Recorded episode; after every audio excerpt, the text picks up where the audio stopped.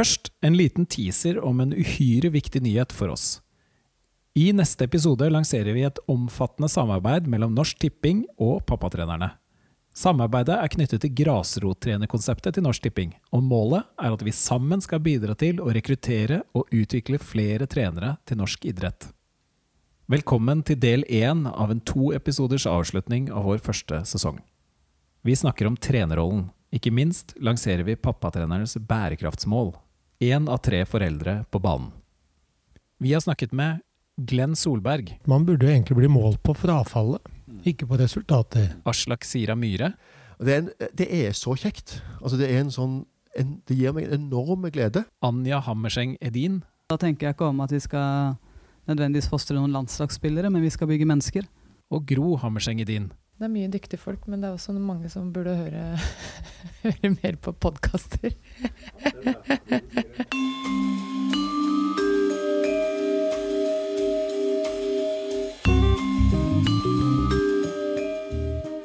Lenge før vi fikk korona, begynte vi å lage avslutningen på sesong én av Pappatrenerne.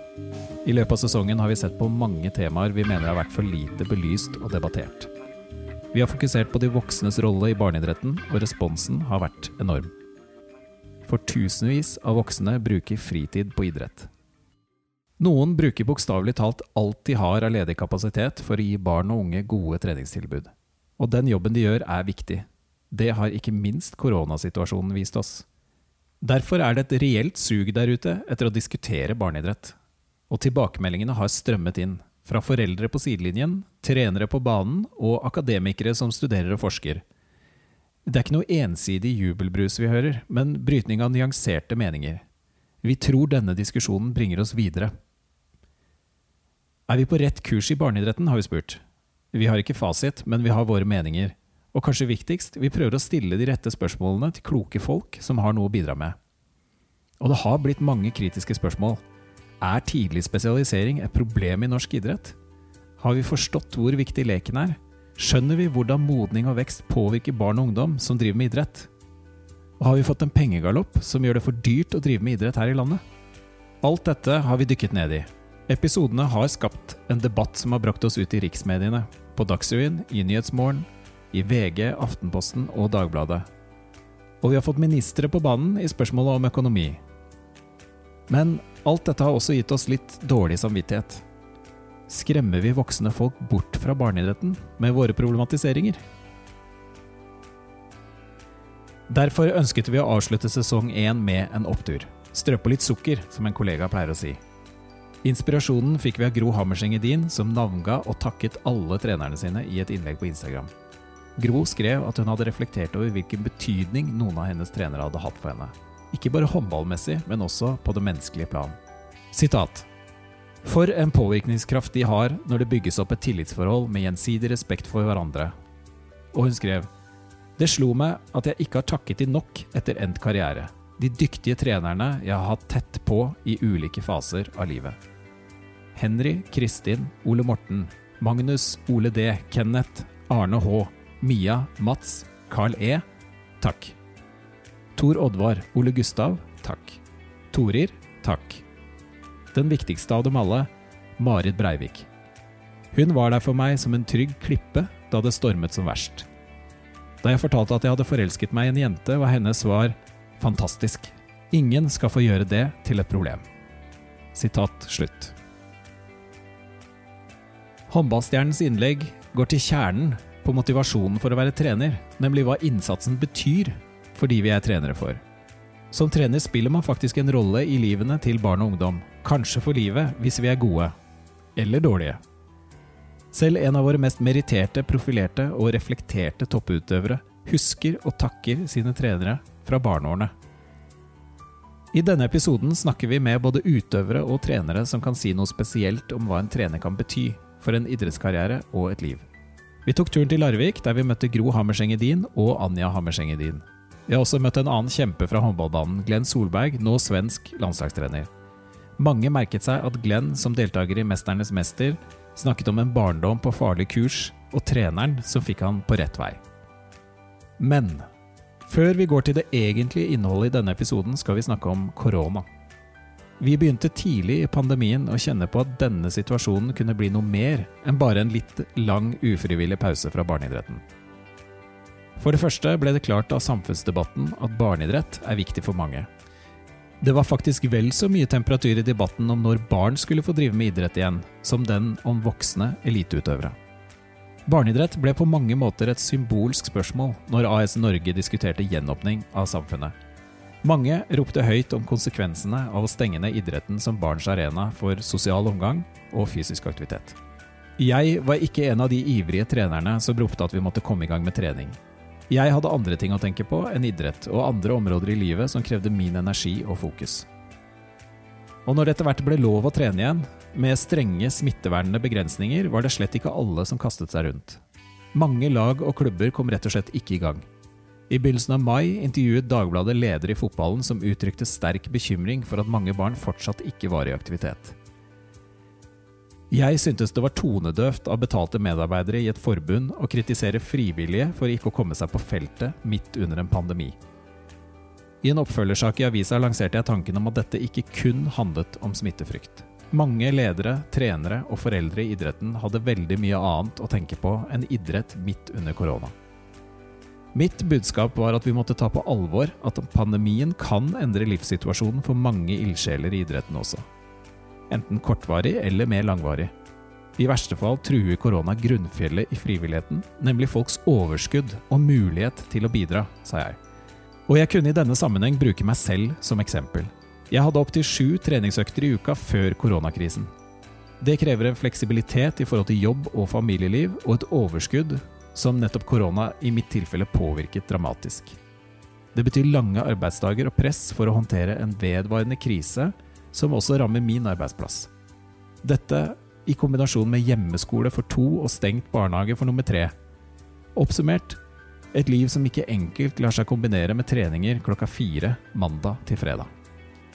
Samtidig begynte vi å høre tilsvarende historier fra andre foreldretrenere og oppmenn i barneidretten både motivasjonen og muligheten til å gå på med samme styrke som før krisa var et reelt tema. Vi stiller nå spørsmålet tror vi alt blir som før når Norge er tilbake til normalen.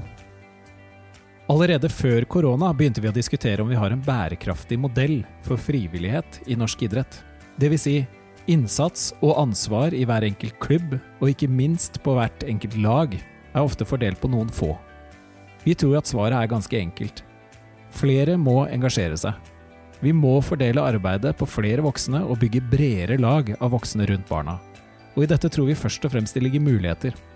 Vi tror ikke bare det er behov for flere voksne. Vi tror også mange voksne ønsker å bidra. Nøkkelen er å omdefinere hvem som har noe å bidra med. Altså, hva er en trener? En trener er ikke kun en som har egen erfaring fra idrett. En trener er en engasjert voksen som bidrar positivt til et lag. Ja, vi trenger kompetanse på fotball eller langrenn i et trenerteam. Men vi har bruk for mye mer, og vi har mange flere voksne å ta av enn akkurat de som har erfaring fra akkurat den idretten barna deres driver med. Bringer vi inn de som har annen erfaring enn oss selv, får vi noe som er mer verdifullt enn bare kapasitet. Det kommer også nye perspektiver og ideer, og de trenger vi. Derfor lanserer vi pappatrenerne nå et bærekraftsmål for barneidretten. Det lyder slik én av tre foreldre på banen. Når vi starter opp en ny årgang i en klubb, er det første vi må gjøre å bygge et bærekraftig lag av voksne. Er det en gruppe på 30 barn, trenger vi 10 voksne. Da kan vi fordele ansvar og oppgaver. Da kan vi bringe inn ulike perspektiver og ideer. Da kan vi få kabalen til å gå opp uten at noen få sliter seg ut. Ok, uh, Martin. Vi har snakket om at um, korona kan uh, forandre mulighetene våre som trenere til å bidra like mye som vi gjorde før. Og um, nå har vi lansert et bærekraftsmål. Og du er jo friidrettstrener i Lambertseter. Dere har allerede gjort dere noen uh, erfaringer med dette å få flere foreldre ut på banen. Ja, Vi så jo behovet for å starte opp med utendørstrening på stadion allerede tre uker etter at Norge ble stengt ned. Så i begynnelsen av april så eh, valgte vi å gjennomføre treningene våre. eh, Og da hadde vi jo en rekke begrensninger med tanke på smittevern.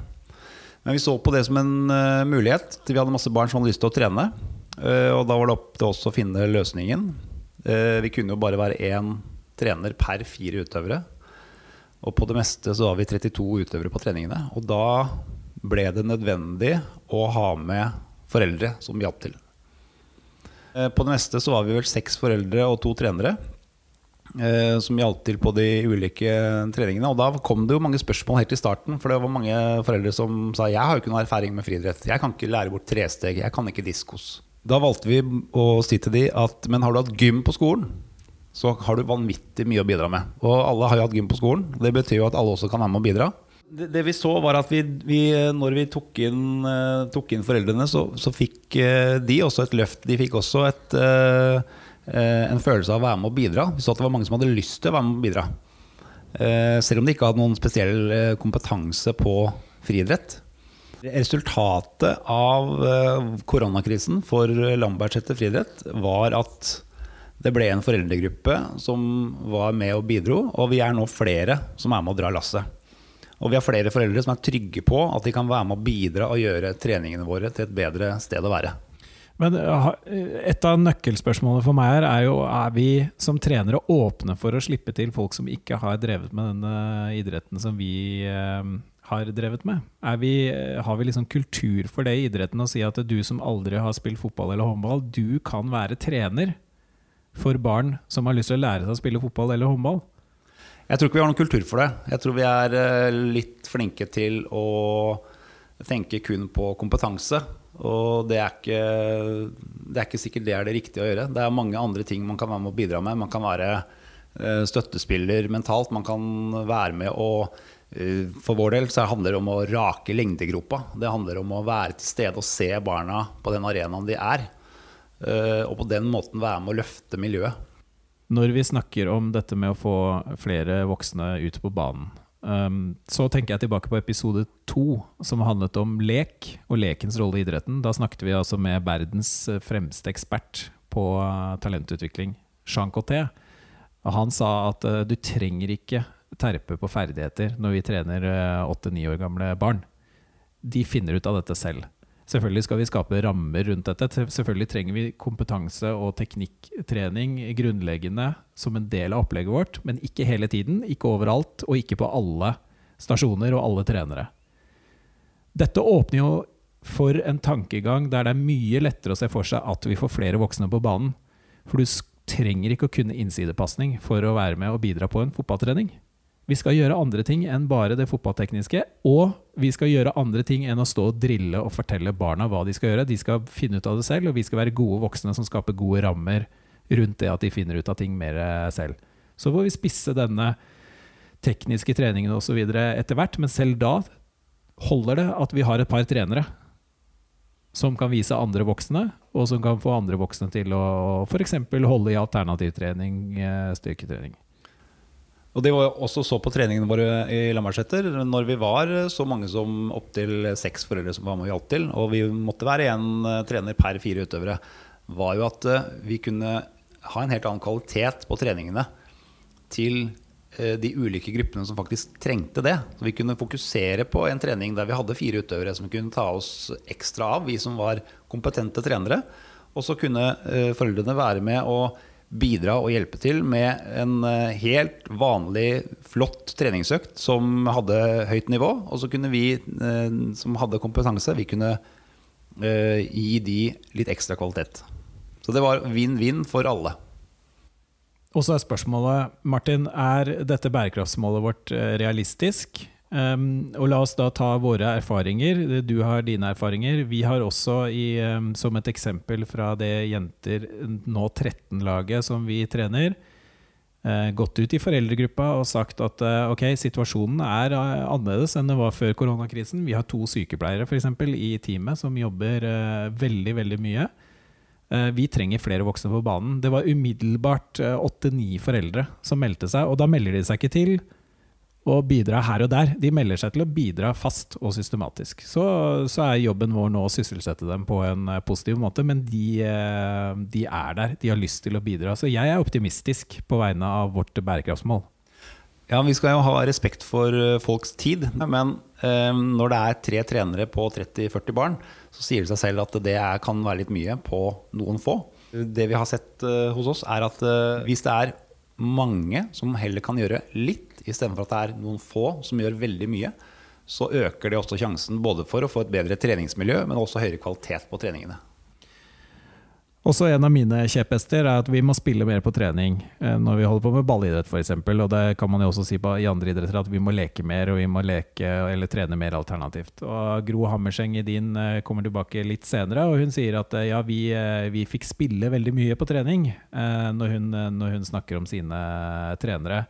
Og da tenker jeg jo, det er glimrende, og det er også de gangene vi som er, har egen erfaring, ikke kan møte opp på trening da er det gull at vi har noen andre voksne som kan komme og sette i gang spill.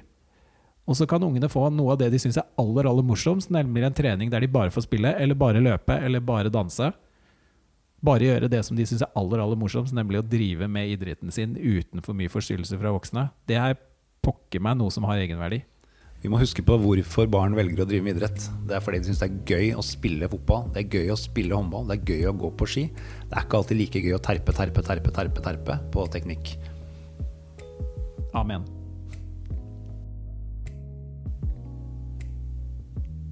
Ekteparet Anja og Gro Hammerseng Edin trenger kanskje ingen introduksjon. Men for ordens skyld, begge har spilt på det norske landslaget i håndball i en årrekke, og vært med på å vinne både OL, EM og Champions League med Norge og Larvik. Gro er blitt kåret til verdens beste håndballspiller i 2007, mens Anja ble kåret til EMs mest verdifulle spiller i 2012. Men selv om de begge var i den absolutte verdenstoppen i håndball, er det ikke alle medaljene de ser tilbake på. Det er vennskapene. Jeg tenker jo at uh, Når jeg avrunder karrieren og begynner å tenke tilbake på hva er det jeg sitter igjen med, når jeg skal svare på hva har vært det beste av det beste, så er jo det folka. Folka som jeg har møtt underveis, blitt kjent med. Og da er det jo alltid fra at jeg endte opp med å bli gift med en annen håndballspiller, til at min aller beste venninne er håndballspiller. Gro husker trenerne som møtte henne som tiåring og fersk i håndballen. De skapte en arena for vennskap som varer livet ut jeg hadde trenere fra jeg kanskje var sånn 12-13, som var ekstremt positive, oppmuntrende. Um, som var uh, veldig dedikerte. Opplevde at, uh, at de virkelig elska, spesielt han ene, elska jobben sin. Da. Og han var jo ikke pappa til noen av oss, han var bare en som brant for håndballen og, og syntes det var gøy å, å trene oss. da. Så jeg husker også at han begynte ganske tidlig med sånn at vi skulle ligge i garderoben og lukke øynene og se for oss liksom, hvordan vi så ut når vi lykkes og, og sånne ting. Og, og, det tror jeg på den tida var litt sånn egentlig uvanlig. De trenerne som jeg virkelig husker best, er jo de trenerne som har klart å ta vare på det og, og ha fokus på at det skal være gøy. Samtidig som vi har jobba mye med utvikling og at uh, jeg har følt at jeg har fått lov å få vokse og få ansvar. og det å kjenne på at trenerne ser potensial i det. da. Men uh, for meg så var det en sånn stor vennegjeng egentlig som fulgte hverandre ganske lenge. Og det for min del varte jo helt til rykka opp med Gjøvik og Vardal når jeg kanskje var ikke 18 eller noe sånt. Fram til da så var vi en stor venninnegjeng som hadde fulgt hverandre. Da. Trenerne til Gro sørget for at jentene beholdt gleden og var motiverte til å fortsette med håndball sammen. Det var veldig få som slutta. Vi var mange som syntes håndball var veldig gøy, og noen endte opp med å, å drive det lenger enn andre. Men uh, for oss så var det sosiale samtidig som fellesskapet om at vi faktisk alle sammen syntes det var litt viktig, da. Fordi det var ikke bare Etter hvert så var det ikke bare det at vi skulle ha det hyggelig og, og ha det sosialt. Det var sånn kombinasjonen av å ha det gøy og faktisk gå for å bli ganske gode. Eh, men det var jo kanskje heldig, da. At vi var eh, en gjeng som da hadde en god trener som, eh, som klarte å treffe oss sånn at vi fortsatte å, å, holde sammen ganske lenge. Anja hadde to foreldre som var engasjert i håndballen. Enten på banen som trener, eller hjemme med låveveggen som mål. Mamma var håndballtreneren min fram til jeg var 16. Så hun fulgte meg hele veien. Og pappa var litt på sidelinja, men han, han også var veldig glad i å leke med ball. Jeg husker både håndball og fotball. Jeg var ute og lekte sammen med han til seint på kveld. Og jeg kom jo fra en gård, så han mala jo et mål i låven, husker jeg. Hvor han lekte at han var Bent Svele. Så hver gang han hoppa opp og skøyt, så var det 'Bent Svele!' sier han i lufta. For meg så var det veldig fint å ha mamma som trener, og jeg følte at det jo styrka vår relasjon. Vi hadde mye å snakke om hele tiden. Vi, vi var veldig på håndballsporet når vi var hjemme òg. Eh, så vet jeg at det også er sunt å ha den avbryteren, men jeg hadde egentlig ikke det, fordi jeg elska det jeg gjorde. Og jeg hadde ballen med meg overalt. Jeg hadde den med meg på vei til skolen, gikk og stussa ballen. Hadde med meg inn i klasserommet, hadde med meg som huepute om natta på, i senga. Så jeg, jeg elska det virkelig. Og det å få lov å dele det med familiemedlemmene mine, det, det betydde veldig mye. Og så klarte også mamma og jeg å skille rollen, syns jeg sjøl, da. Jeg vet ikke om de andre lagvenninnene mine er enig i det, men skille rollen mellom trener og mamma. Jeg kalte jo aldri mamma på trening. Eh, da fikk jeg aldri respons. Det, jeg vet ikke om det var fordi ikke det var så viktig med dattera, eller hva det var, men jeg måtte si Bodil. Da, da kom hun, da.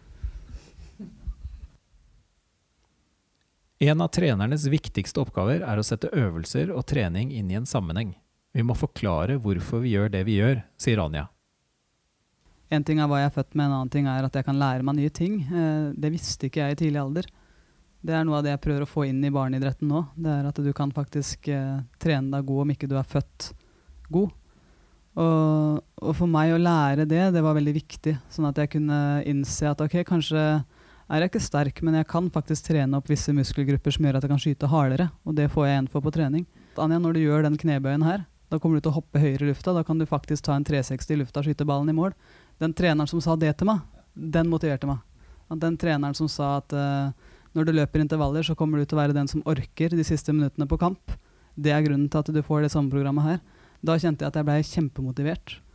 Og, og, han treneren, han, uh, han sitter fortsatt som en sånn mentor for meg på hvordan jeg har lyst til å drive mental trening for unge utøvere. Da, på at de, de, må vite hvorfor de gjør ting. Gro peker på hvor viktig det var at trenerne lot jentene få spille mye på trening. En viktig påminnelse til oss trenere som gjerne føler at vi må gjennomplanlegge øktene med gode øvelser. Jeg likte veldig godt at vi fikk lov å spille mye. Altså leke og spille mye. Det var liksom det man hadde lyst til. Å ha trenere som har eh, et sånn positivt fokus, og som også er ganske tydelige. Eh, og at ting er satt litt sånn i, i noe system. Altså ikke jeg, jeg, trenger å kjenne at uh, når jeg er på trening, så er det litt sånn framdrift, og at, uh, at det er en trener som klarer å være tydelig selv om vi skal ha det gøy. Så er det litt sånn Det føler Det er ikke tillatt å komme på trening og holde på med bare rør heller. Det skal ikke bare være det. men den kombinasjonen av å klare å holde litt uh, stramme tøyler på barn som egentlig kan begynne å tenke på tusen andre ting, samtidig som om at det var rom for å le, og uh, at jeg kjente at, uh, at jeg fikk bekreftelse på at jeg hadde lært meg noe nytt, eller det å kjenne på den mestringsfølelsen var nok det som dreiv meg videre. Likte veldig godt å kjenne at å ja, men nå begynner jeg å få til mer. og da da har jeg jo mest sannsynlig hatt trenere som har klart å lage et opplegg som er sånn akkurat passe i forhold til vanskelighetsgraden, da, for min del. Gro mener tålmodighet og trygghet er fundamentet for en flink trener, ikke bare kompetanse. For meg så er de trenerne som har vært gode til å faktisk eh, anerkjenne og, og rose eh, når man gjør noe som er bra, da. Eh, og få liksom den tilbakemeldingen på at uh, Der, ja. Der fikk du til det vi har øvd på.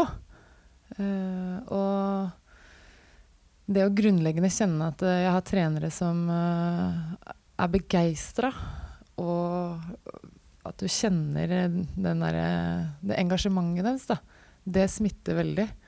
Uh, for jeg tenker at jeg beundrer jo alle mennesker som orker å trene unger som er den yngste gruppa, for det er en krevende øvelse.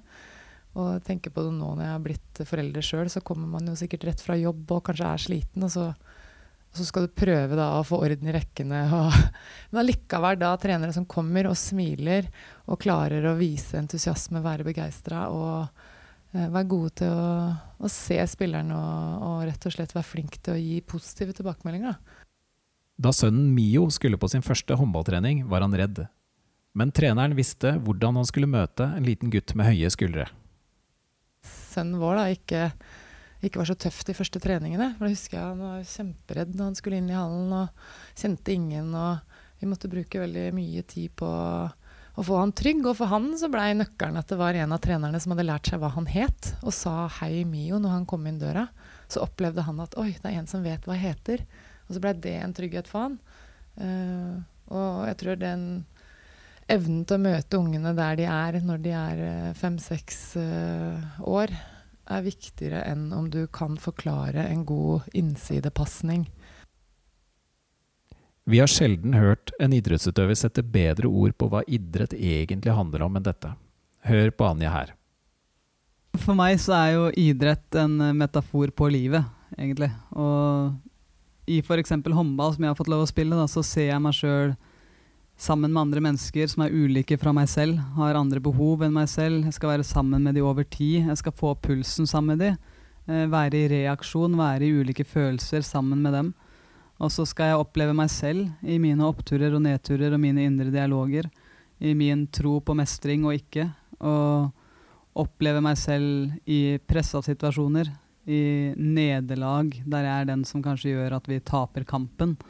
Og den reisa der, den, eh, den er helt unik egentlig for meg, og en gave å ta med seg videre i livet. Da. Og jeg tror at for trenere som ser på det som at nå har jeg en mulighet til å påvirke et menneskeliv, nå har jeg muligheten til å ta unge mennesker på fersken og utgjøre en positiv forskjell, uansett hvor uh, mye de, de lykkes med ball eller ikke, så kan vi faktisk eh, hause ulike ferdigheter, ulike egenskaper som de har, og ta de på fersken i det foran andre mennesker. Og det kan bety enormt mye for videre liv.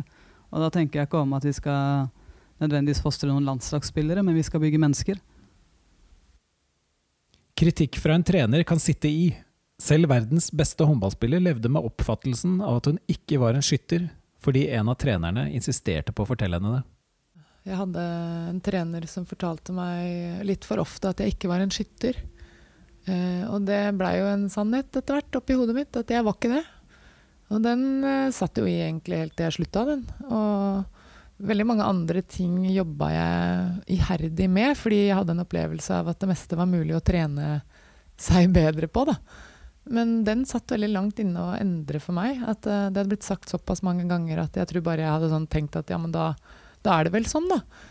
Uh, og da hjalp det egentlig ikke at jeg fikk noen trenere som prøvde å, å jobbe med å utvikle det, for den satt uh, Det er en av de tingene som satte igjen ganske hardt, da. Men jeg skøyt jo nesten bare fra halvdistanse, og masse gjennombrudd, masse kontra. Jeg skøyt ikke så veldig mye fra ni meter. Og det er jo fordi at jeg da hadde en eller annen overbevisning om at uh, det var ikke min jobb å gjøre det, fordi det var jeg jo ikke noe god til. Uh, så jeg har jo skutt mye, men uh, da mer som en sånn nærskudd eller uh, Eller en halvdistanseskytter, da.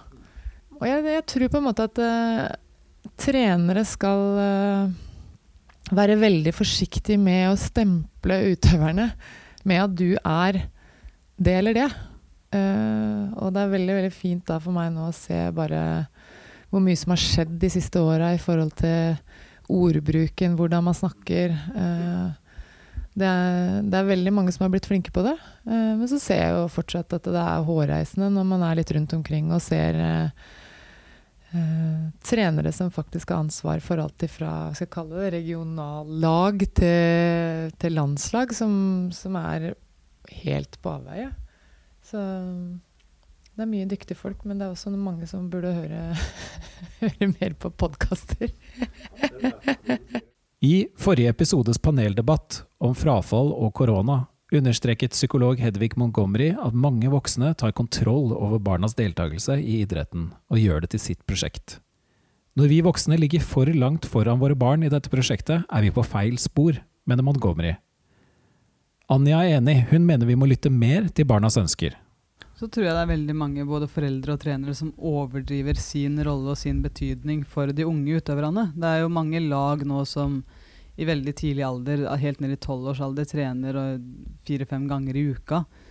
Og, og mer enn det òg innimellom. Og da, da er jo spørsmålet er dette treneren sitt ønske, eller hadde ungene hatt, hatt det like bra med å ha en bane tilgjengelig, eh, som de kunne gått opp når de har lyst til å trene, og trene på de tingene de har lyst til å trene på? Må alt være foreldre- eller trenerstyrt?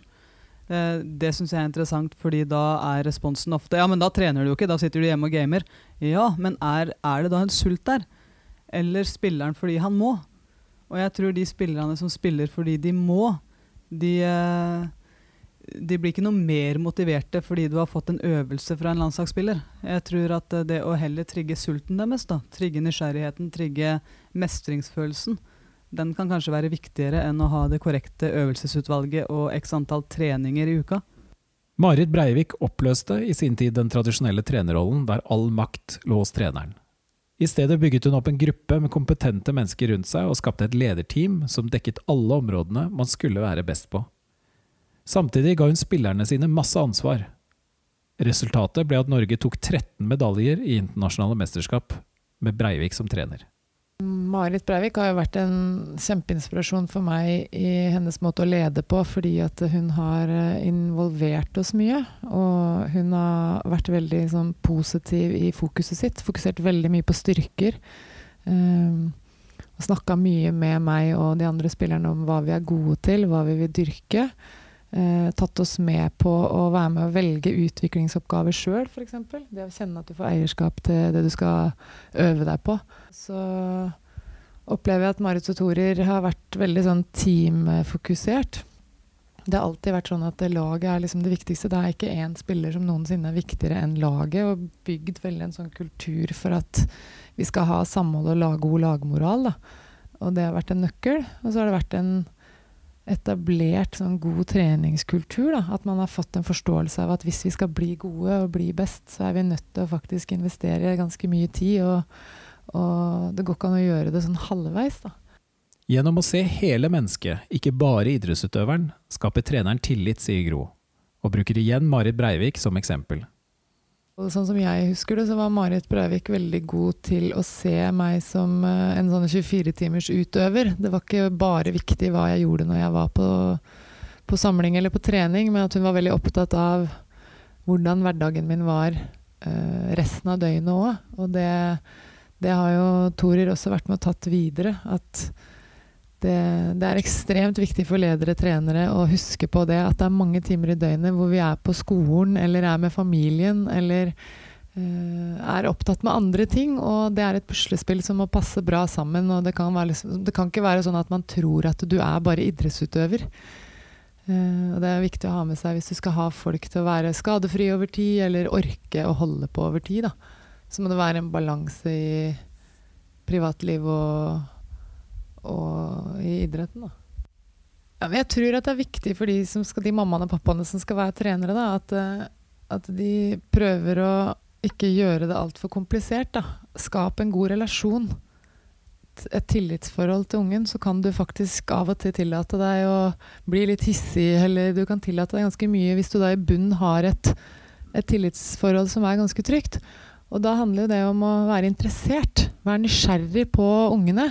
Og ikke bare som fotballspiller eller håndballspiller, men det, det, som jeg husker veldig godt med Marit Breivik, var at hun, hun, fulgte med når jeg fortalte om sånne helt banale ting som skjedde meg i mitt liv. Da. Så kunne hun spørre en måned etterpå du, hvordan går det med bestemoren din. Jeg husker du sa at hun var innlagt på sykehus.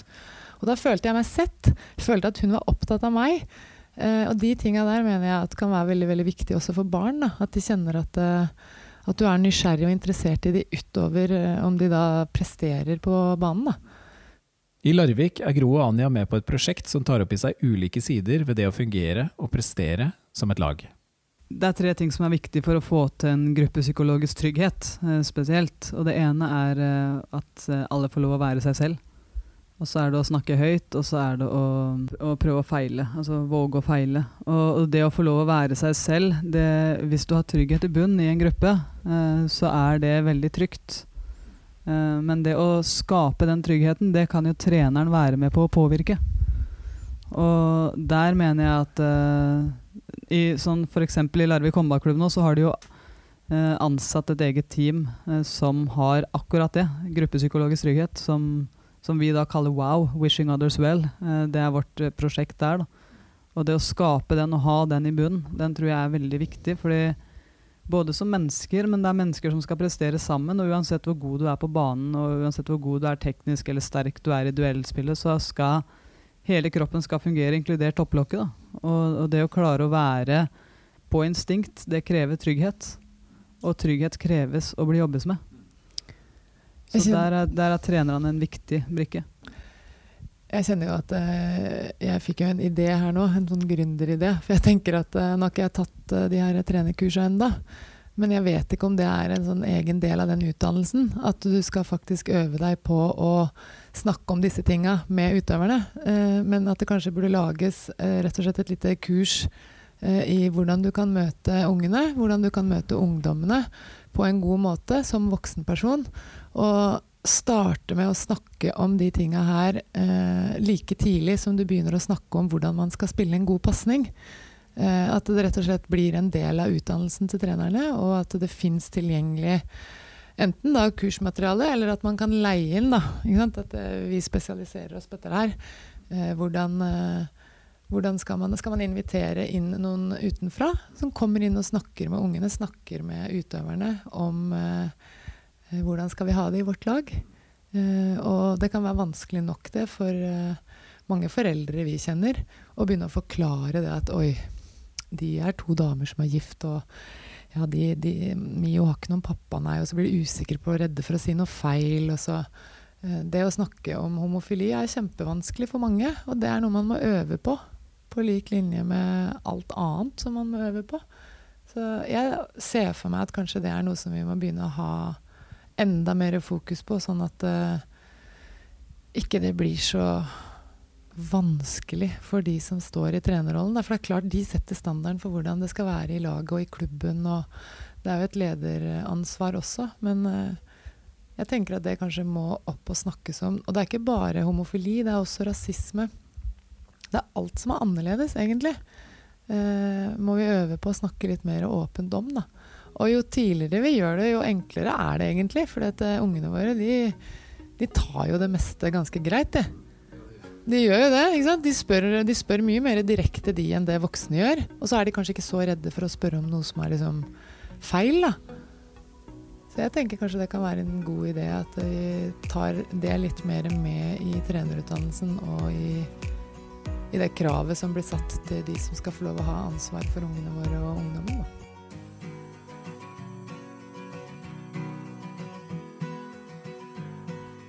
Da Glenn Solberg var ti år gammel, var han en guttunge i trøbbel hjemme i et tungt belastet strøk i Lier. Det var et hardt miljø der Glenn så opp til storebrødrene og deres kompiser. Før han hadde fylt elleve år, hadde Glenn Solberg begynt å røyke fast. Han sniffet lim og bensin, og hadde allerede stjålet sin første bil. Men så flyttet familien til et annet område, og Glenn måtte bytte skole. I den nye klassen drev de fleste av gutta med idrett, og da ble Glenn dratt mot fotball og håndball. Men han ga ikke slipp på de gamle kompisene og skulket ofte treningene.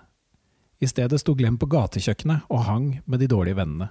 Redningen ble fotballtreneren hans, Anders Eggum. Gang etter gang plukket han opp Glenn fra gatekjøkkenet og dro ham med på trening. Eh, det var jo andre ting jeg var interessert i på den tiden der. Så, så, men Anders han, eh, han var veldig sånn oppriktig interessert i hvordan jeg hadde det, og hvordan jeg hadde det på utenfor banen. og hvis jeg ikke dukka opp på trening en gang eh, og sto nede på gatekjøkkenet i Libyen eh, istedenfor å komme på trening, så kunne han komme med, ja, komme med Fiaten sin og kjøre inn og plukke meg opp og dra meg inn på trening. Og det er klart at disse menneskene som, som bryr seg ekstra, og som eh, ser oss litt mer enn bare på, på fotballbanen eller håndballbanen eller på friidrettsbanen, de, de er superviktige for, for, for, for oss. Hva Tror du det hadde å si for din videre idrettskarriere, at noen faktisk så deg for den du var, og valgte å måtte ofre Ofret jo sikkert en del fritid for å kjøre innom gatekjøkkenet for å se om der står, der står lille Glenn og henger på hjørnet? Ja, jeg tror det var veldig viktig for min del. Eh, jeg var ganske usikker. og og at du får da mennesker som ser deg og gir deg tillit og, og gir deg støtte og, og, lar deg få lov å holde på med det du syns er veldig gøy. er helt avgjørende for om du skal fortsette med det, og skal trives med det, og skal utvikle deg. Så det, er helt klart veldig avgjørende for min, min del og utvikling, og at jeg fortsatte med det, med det jeg holdt på med da. ja.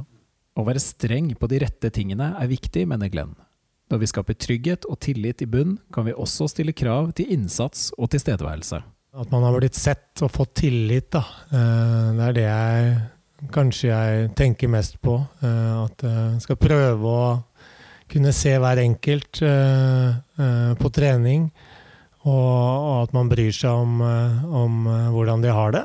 at man ikke blir for ambisiøs som trener, som er lett. Som for min del er veldig lett. At man krever for mye. Jeg tror det med å gjøre hverandre gode, det med å, bry seg om eh, de man spiller sammen med, det er uavhengig av nivå og alder. Jeg tror det er eh, veldig viktig at man eh, tenker på hvordan man skal gjøre hverandre gode og gjøre det sidemann gode. Få ut det beste i hver enkelt. Det tror jeg er viktig på alle nivåer. Det kreves verken trenerutdanning eller spillererfaring for å gjøre det viktigste på trening å bry seg. Det som alle mennesker kan, er å bry seg. Ja, høre om hvordan de har det, og om de trives, og prøve å sørge for at de får til noe på trening hver dag de trener. Hvis hver enkelt har gått hjem fra trening og har fått til noe, så tror jeg det, det gir en veldig sånn mestringsfølelse, en god følelse som gjør at man kommer tilbake. Da. Det jeg har sett som jeg syns kan være trist, er jo det med topping i tidlig alder. det å har kun fokus på de beste, beste spillerne, eller de, de, som har best ferdigheter i tidlig alder. Eh, det å, ha, det å ha fokus på å vinne i tidlig alder eh, ser man jo veldig, veldig ofte. Eh, det å bruke håndball spesielt, kanskje, hvor man har en sport som er veldig sånn avhengig av fysikk. da. At man bruker de spillerne som har den beste fysikken, og lar de skåre 10-15 mål i hver kamp. Og og, se, og ikke ser de andre. Og i tillegg da kanskje ikke klarer å utvikle den spilleren til å lære andre ting, da. Um, enn bare å bruke fysikken sin. Så. Men det resultatfokuset, det ser man jo overalt hele tiden. Og det er trist å se, uh, og det har jeg jo selv gjort både på fotballen og håndballen, hvor man uh, møter, uh, møter lag som hvor det er barn som sitter på benken i store deler av kampene i, i tidlig alder. Det, er, eh, det, det, gjør faktisk vondt å se. Eh, du blir jo stempla som dårligere enn de andre i tidlig alder, og det kan du helt sikkert ta med deg seinere og inn i, inn i livet seinere, og det er ikke bra. Det syns jeg er ja, trist og vondt å tenke på. Hvis du går på trening hver dag, eller tre-fire ganger i uka, og blir eh, da stempla i gåstein som eh, den dårligste på laget, eller på fjerdelaget når det er åtte-ti år, så, så, tror du vel det på etter hvert, da. Og det er jo ikke sant. Det er ingen som kan fortelle en åtteåring om han eh, er, kommer til å bli den beste eller den dårligste, og det er vel mange eksempler på, tror jeg.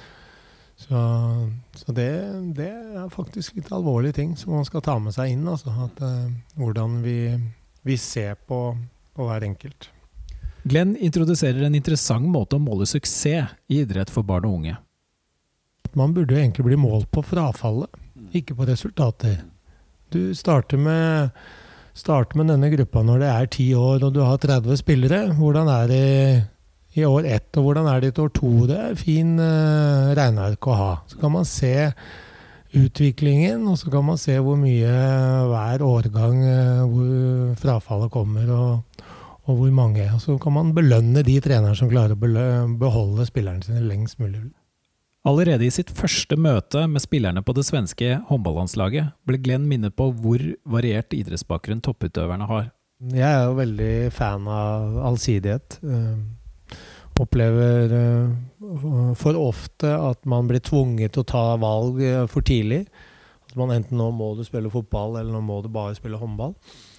Og som sagt, jeg begynte å spille håndball da jeg var tolv. Uh, og spilte fotball og håndball til jeg var 16. Og, og det er mange, mange eksempler der ute på topp internasjonale håndballspillere som har drevet med, med annen idrett til de var 15-16 år og lenger. Eh, og det å, det å kunne drive med forskjellig idrett lenge tror jeg har mye å si. Eh, både i forhold til skadehistorikk, at man kan drive og trene forskjellig muskulatur forskjellig, på forskjellige måter. Eh, og ikke minst motivasjon. Eh, at du kan drive med forskjellige ting gjør at man eh, ikke mister den der gleden og motivasjonen for tidlig. Da. Eh, så nå har jeg vært ute og hilst på og snakket med svenske uh, landslagsspillere nå når jeg skal inn i ny jobb, og truffet de og, og prøvd å lære de litt å kjenne. Og, og da kommer det fram at nesten alle sammen har drevet med annen idrett i 15-16 år. Hockey eller fotball eller andre ting. Så uh, i hvert fall, jeg får stadig bekreftelse på at allsidighet er viktig for å, for å bli god også. Eh, hvordan tror du ditt liv hadde sett ut dersom du ikke hadde kommet inn i idretten? Ja, nei, det, det, er ikke godt å si. jeg kunne gått alle veier. Uh, men uh, men, uh, men jeg hadde i hvert fall aldri vært her i dag hvis jeg ikke hadde hatt mennesker rundt meg og trenere som så meg og brydde seg og ga meg tillit. Det er jeg ganske, ganske sikker på. Jeg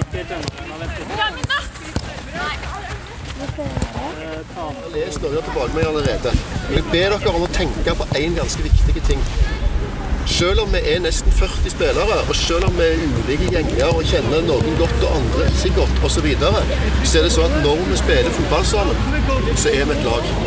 Den tida fra treninga starter nå, til treninga slutter, når vi er på kamp fra vi møtes i garderoben til kampen er slutt, da er vi et lag. Da er vi én gjeng. Da kan vi alle sammen gjøre noe for å sikre at vi er én gjeng i garderoben og på treninger. Aslak Sira Myhre er en del av et trenerteam som lykkes med noe sjeldent. Å få en gruppe fotballspillende jenter på 15 år til å bli flere år for år. At trenere med ulike erfaringsbakgrunner og egenskaper tar ulike roller, er en av nøklene til denne suksessen.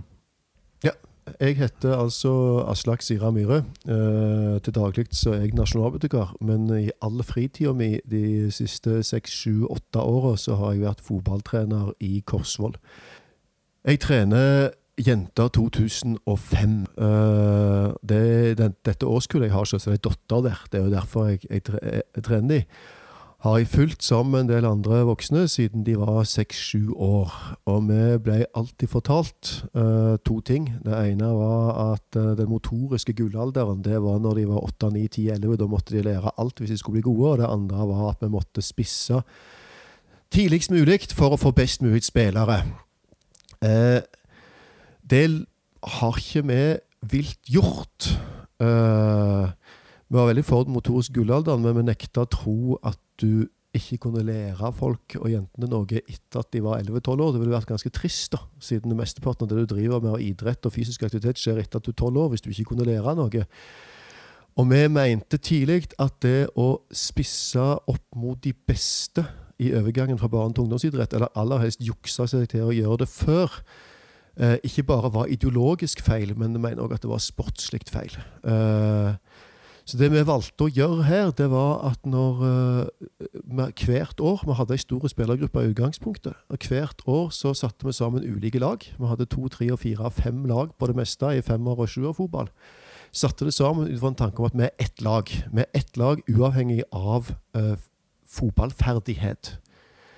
Og så, når ungdomsfotballen kom, uh, så valgte vi da, i samråd med klubben, istedenfor at da foreldrene forsvant, og vi toppa og lagde et énlag og et tolag og et trilag, så sa vi at det kommer ikke vi til å gjøre. Uh, vi uh, vil ha breddelag fortsatt, og vi vil fortsatt ha med foreldretrenere, fordi de som kjenner jentene og det sosiale best, men vil òg ha en proffetrenere. Så har brukt en to års overgang. De er nå 14 på snart vei inn i 15-årsklassen. Uten at vi har gjort det som alle andre sier at man skal gjøre. Uh, og etter ei stund så begynte vi å se at dette ikke bare var bra for jentene hos oss, og at vi ikke hadde forfall hos oss, eller frafall, men vi ser òg at det kommer nye til. Sånn at i år, når de altså går i eh, 8. og 9. klasse, eh, så starta vi sesongen med 34 spillere i stallen. Eh, nå er vi 39 spillere i stallen. Nei. Vi opplever noe som vi syns er veldig kjekt, eh, og det er at vi ser ikke noe til eh, det store frafallet som skulle ha kommet på ungdomsskolen. Og Vi driver med jenteidrett, og jenteidretten er frafallet veldig stort. Og vi ser heller ikke at vi er blitt dårlige av det. Vi har et lag som spiller i førstedivisjon. Vi vant gruppa vår i Adidas Cup når vi spilte der. Vi er ikke best i verden, men vi er òg i stand til å spille ut alle lag når vi er på vårt beste. Men, men vi ser òg at vi, vi klarer, foreløpig i alle fall, å ha plass til alle. Fotball er kjekkere når du lærer å spille fotball. Og Det grunnprinsippet har vi hatt hele veien. Altså Trening er trening. Trening er ikke bare gøy og lek og moro. Trening er òg å bli bedre og spille fotball. Så vi innførte fra starten av, prøvde så godt vi kunne med de evnene vi hadde, å ha en at dette er faktisk trening. Du skal faktisk lære innsidepasning, du skal faktisk lære overlapper, du skal faktisk lære å føre ballen, du skal faktisk lære å stå i mål og spille sammen. Altså, du, og du skal ha disiplin rundt det. Det var det ene prinsippet. Men det andre prinsippet som du ser, og det vet jeg ingenting om med gutter, men jeg vet om med jenter, at det er helt vanlig når du samler sammen 15-20 jenter på en fotballbane og de er åtte år og skal spille, at de springer til deg først og spør om Kan jeg være på lag med henne. Kan, kan, jeg være på lag med henne? Kan jeg være, vi vil være på lag, vi vil være på lag. Eller enda verre. Jeg vil ikke være med henne. Eller videre. Altså alle de der tinga der. Og at du ser klikker og grupper. Uh, og det som vi innførte fra starten av, det var at sånn er det ikke når vi trener fotball. Ingen fikk lov til å si 'jeg vil ikke være med henne'. Det skjønte alle jentene. Men vi innførte én ting til. Vi sa ingen får lov til å si 'jeg har lyst til å være med henne'. Ingen fikk lov til å springe og sette seg ved siden av noen de håpte de kom på lag med, osv. Uh, og vi gjorde ikke det for å være kjipe, og istedenfor bare liksom å ta et grep, så har vi hele veien prøvd å forklare hvorfor vi gjorde det. Og har snakket med disse jentene i ti år om å være et lag, og hva det innebærer. Og i bånd for det så satte vi ikke bare uh, det, det, er fint å være gode mennesker. Jeg bare føler som at Fotball er en lagsport. Fotball er ikke en idrett du kan vinne alene i. Jeg vet ikke hvor mange ganger jeg har spurt disse jentene om de noensinne har sett en fotballspiller som har vunnet en fotballkamp alene. Og de svarer alltid nei. Og, og hva må vi gjøre da? Da må vi være et lag. Så dette er noe av det viktigste for oss, av to grunner. Og det syns jeg er, er, er viktig å, å, å, peke på. Det ene er det sosiale. Men det andre er at vi mener at dette sosiale henger sammen med det fotballfaglige. Fotball i Korsvoll, i hvert fall hos oss på jentesida, er en lagsport. Fotball skal være en lagsport. Å være en lagsport betyr òg at du dyrker lag. At du prøver å dyrke lagfølelse, lagspill, eh, lagtenking.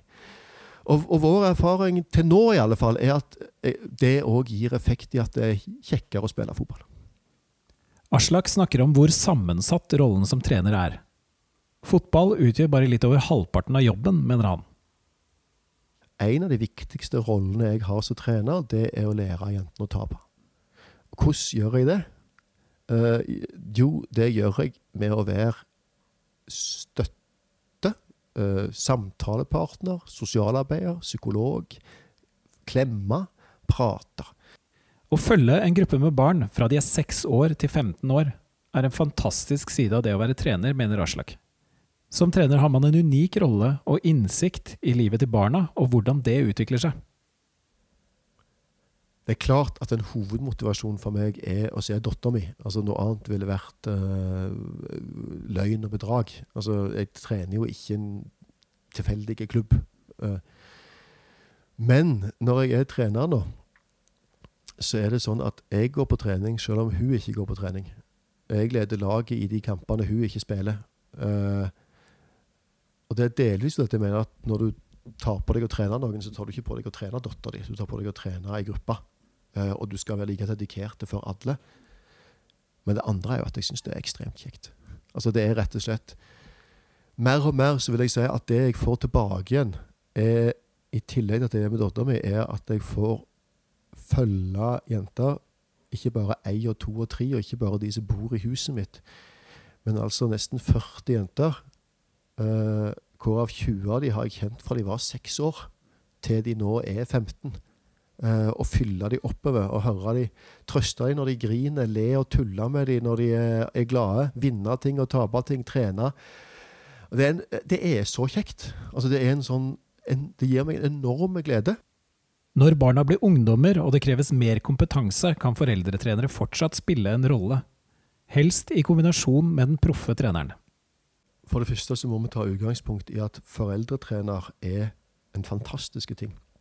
Altså Vi har en idrett i Norge som er helt fantastisk. Vi har en enorm breddeidrett, og vi har ikke bare tusenvis, men titusener og kanskje hundretusener av uh, ildsjeler. Noen som er foreldre som bare har rukket opp hånda og står i bua på, på Korsvoll, og noen som går på treningsfeltet med baller uh, eller uh, ski eller hva det måtte være, hver eneste dag. Og ikke minst aktivister og ledere som, som ikke har unger lenger, men som driver klubber rundt omkring, som, som skaper dette. Det er grunnlaget for norsk idrett. Så det, det er en fantastisk ting, tenker jeg. og så tenker jeg at det er klokt av fotballen f.eks. å ville supplere foreldretrenerne med profesjonelle trenere.